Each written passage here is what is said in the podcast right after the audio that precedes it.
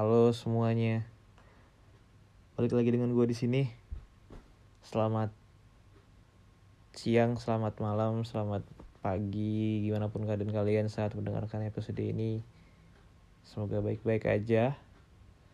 Diberi kelancaran, diberi kemudahan dalam melaksanakan segala aktivitas di dunia yang kita cintai ini.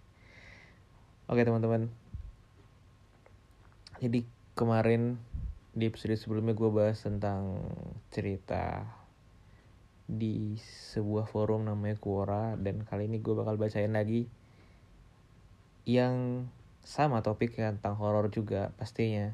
Tapi sebelum kita masuk ke sana gue bakal cerita dulu. Ya ngalor ngidul dulu bentar. Mungkin jadi ciri khas gue di podcast ini setiap awal episode gue selalu cerita dikit-dikit lah. Jadi um, sebelum jadi kan gue kan sempat sempat non aktif lah istilahnya atau hiatus istilahnya ya. Dari podcast gue kayak feeling numb. Kayak ya udah gak gak tahu mau ngapain jadi gue kayak fokus di real life gue kuliah terus banyak hal yang gue alami di real life gue dan itu setelah gue sadari-sadari sampai sejauh ini hari ini detik ini ternyata itu ada masalah soal uh, gimana rasa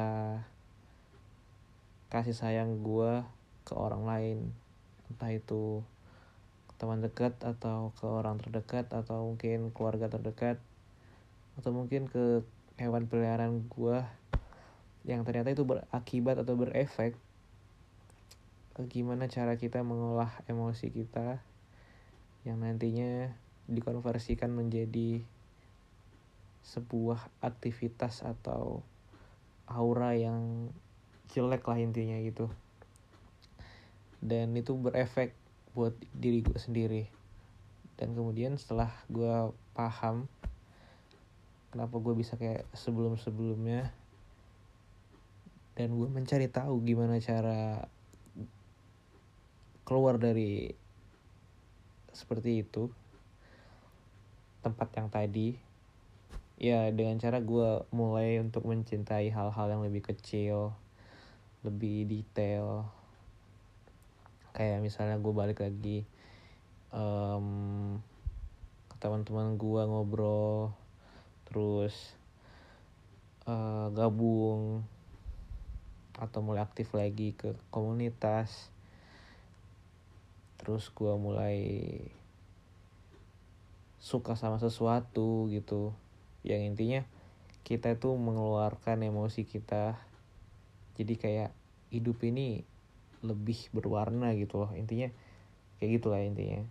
Lu bisa mencintai seseorang atau mencintai sesuatu gitu. Yang penting hidup lo itu ada maknanya gitu. Dan itu menurut gua worth it banget buat lo yang ngerasa feeling numb lately yang nggak nggak tahu mau ngapain hidupnya. Lu bisa ngelakuin hal yang sama kayak gua lakuin baru-baru ini mungkin satu bulan ke belakang gue mencintai sesuatu gue mencintai seseorang entah itu siapalah pokoknya. Dan ya kalau gue ngomongin ini tuh bukan tentang podcast horor ya. Ini tentang hidup gue tapi karena ini namanya podcast horor dengerin horor bukan dengerin curhatan gue gitu.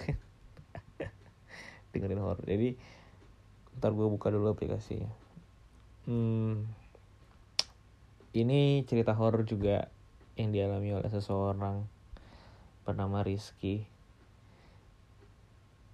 Um, jadi ceritanya ini dia dia dia cerita backgroundnya dulu. Dulu si Rizky ini uh, lolos jadi tim salah satu cabang olahraga tingkat provinsi Jawa Timur. Nah, perjalanan dari Kabupaten X ke kota Y ditempuh selama 12 jam dengan mengendarai bus. Berangkat pagi dan sampai di sana malam sekitar jam 7.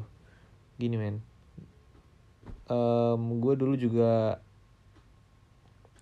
pernah ikut bus-bus kayak gini tapi gue bukan bus ya bisa dibilang tuh kayak travel travel gue pindah ke dari tempat ke satu tempat naik travel mobil mobil masalah mobil Innova.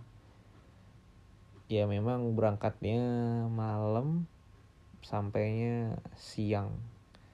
Dan itu dan itu gak enak banget sih feelingnya itu.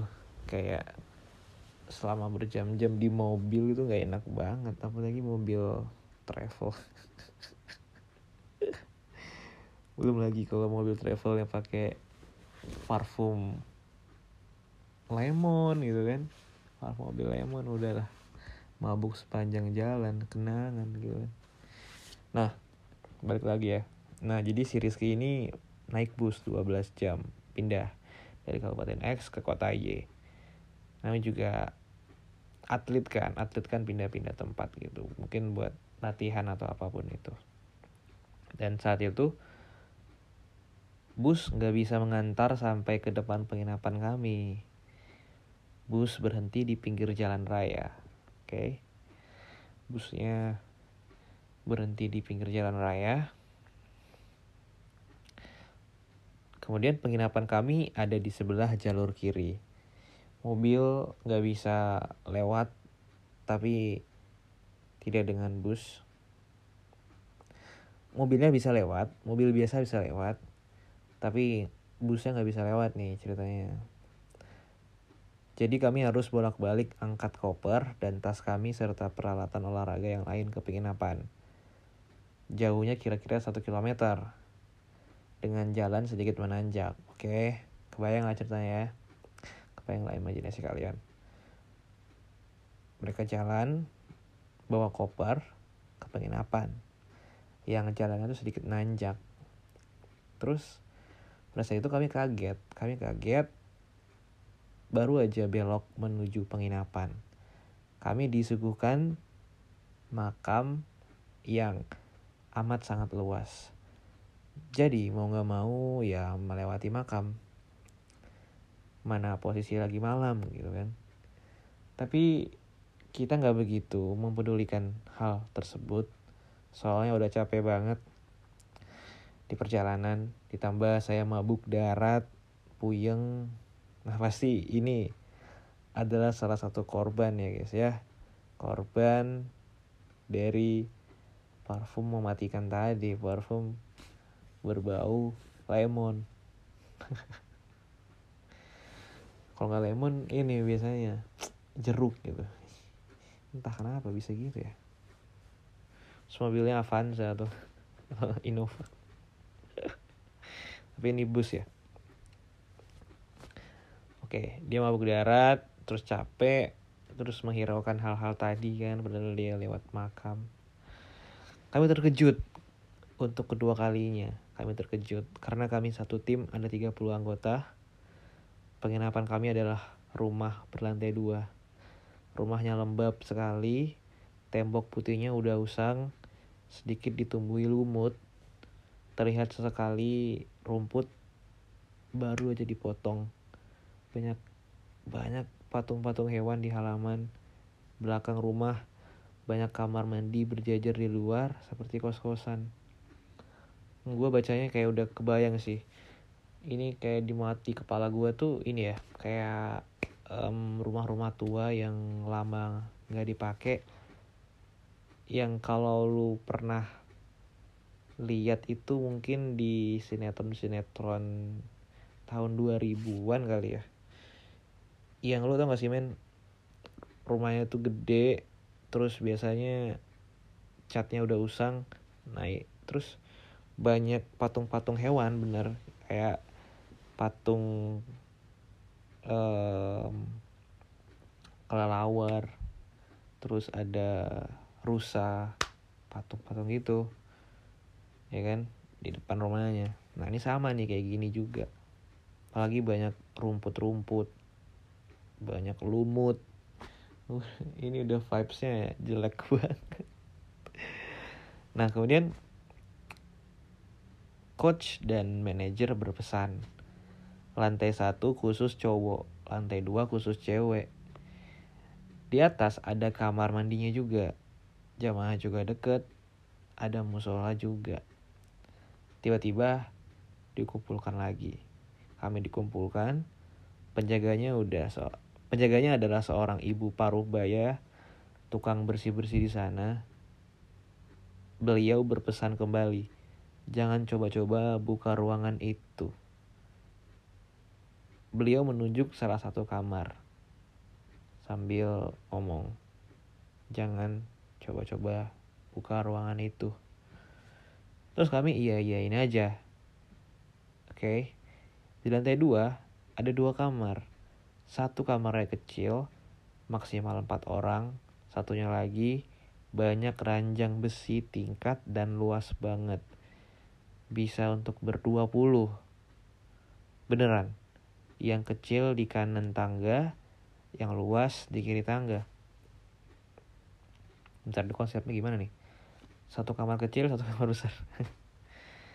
Ini enak banget ya berarti yang tinggal yang tidur di kamar kecil ini punya privilege lebih ya kayak. Kayak gurunya mungkin atau mungkin coachnya manajernya.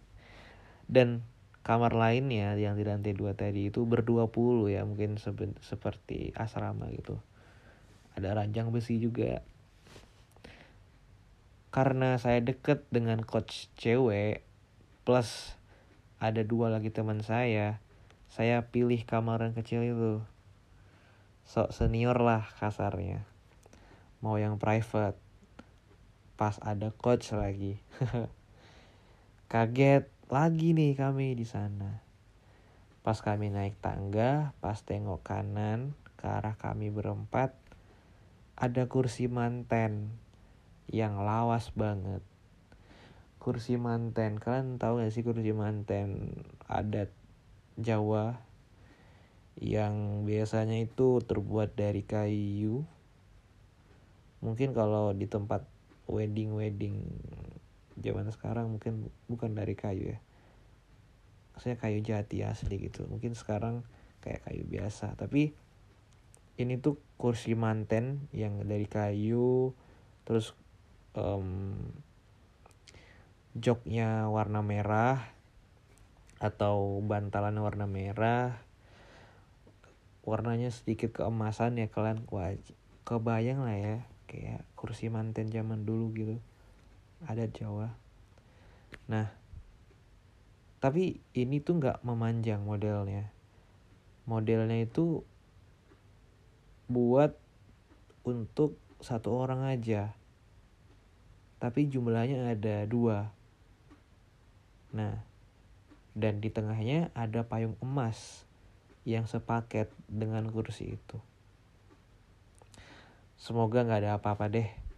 Kemudian coach membuka pintu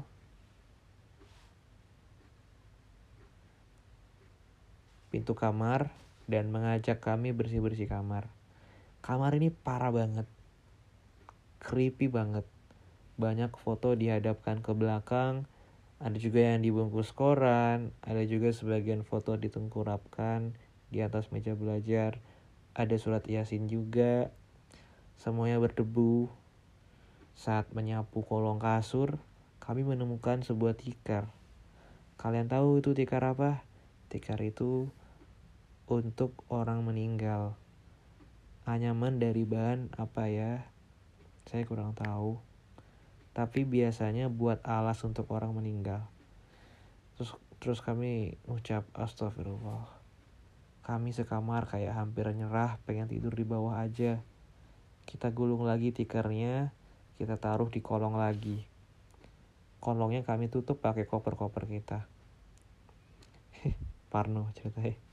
Kemudian kami melupakan semua kejadian ini. Keesokan harinya kami harus pemanasan peregangan otot untuk persiapan lomba selama seminggu ke depan. Kemudian selesai. antri mandi saya ke atas sendirian untuk mengambil jemuran buat ganti. Saat keluar kamar, saya melihat teman saya pakai kaos merah, rambutnya disanggul, pakai tusuk konde, kayak orang Chinese. What? Ini serius nih kayak orang Chinese. Coba gue kira apa sih orang Jawa gitu loh maksudnya. Sinden-sinden gitu model-model sinden kan kayak konde gitu. Ini bener nih kayak orang Chinese. Oke anggap aja lah kayak orang Chinese saya menurut penulis ini. Kayak orang Chinese dan membawa handuk pink berjalan ke arah biasa kami jemur daleman balkon di belakang yang seluas satu meter aja dan itu buntu saya tak menghiraukannya saya turun lagi untuk antri mandi di bawah karena airnya lancar Terus saya kaget terheran-heran melihat teman saya yang, yang lihat di atas keluar dari kamar mandi yang saya antriin. Sebut saja Dinda. Saya langsung teriak. Loh, Din, sejak kapan kamu di sini? Tadi kamu di atas pakai baju merah, kok udah pakai kaos kuning? Semua bilang saya berhalusinasi, mimpi, dan lain-lain. Tapi saya yakin tadi itu Dinda. Tadi itu di atas Dinda. Keesokan harinya kami latihan lagi di lapangan dekat tempat ibadah orang Tionghoa. Oh iya, masuk akal sih men. Kalau mirip orang Chinese. Soalnya tempat mereka ini lingkungannya ini atau environmentnya ini apa ada tempat ibadah orang Tionghoa kan ya masuk akal sih make sense sih seperti kelenteng Warna lapangannya pun kuning dan merah. Aneh sekali di lapangan. Saat itu 2 sampai 3 anak semua jatuh tersandung. Padahal lapangannya cor. Lapangan basket gitulah. Dan itu rata. Kami makin gak konsen, akhirnya disudahilah latihan hari ini. Malamnya kami serempak ngaji baca yasin tahlilan, sholat jamaah bareng untuk menetralkan tempat dan memohon ampunan kepada Tuhan. Meminta semoga lomba ini lancar dan pulang bawa medali. Persiapan tidur, HP dikumpulkan. Saat semua tertidur, tengah malam pelatihku turun ke bawah. Kemudian keesokan paginya beliau cerita. Beliau mendengar tembok kamar beliau dipukul. Duk, duk, duk, duk, duk, duk. Beliau langsung chat suaminya untuk menjemput ke lantai atas karena itu nggak mungkin. Ternyata teman sekamar saya bernama Maya juga mendengar di malam-malam sebelumnya. Cuma dia yang notice. Ternyata semalam ganti pelatih saya. Hmm, Berarti sebelumnya itu Maya, kemudian pelatihnya yang kena. Teror dipukul-pukul tembok kamarnya. Duk duk duk duk duk gitu. Paginya pemanasan di halaman depan lagi nih. Suasananya tegang banget karena pelatih saya marah-marah. Ya supaya mental kami terbentuk lah ala-ala militer. Tiba-tiba pelatih perempuan saya terjatuh. Jelas sekali ada yang dorong, tapi nggak terwujud. Tapi tak berwujud. Kami berdua puluh lima, dua puluh lima orang bener-bener lihat pelatih saya didorong.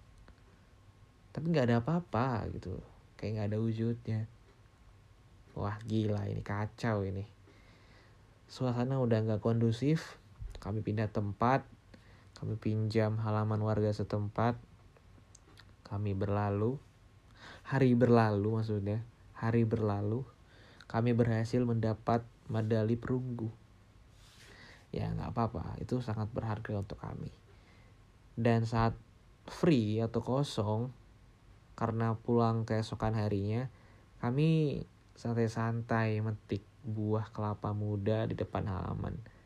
Di situ di situ ada ibu penjaga yang kemarin sebut saja Bu Arum. Bu Arum bersihin garasi yang kelihatannya udah ditutup lama. Terlihat sekali gelap lembab tak ada udara. Cepet-cepet beliau tutup. Diizinkanlah kami mau ngapain aja.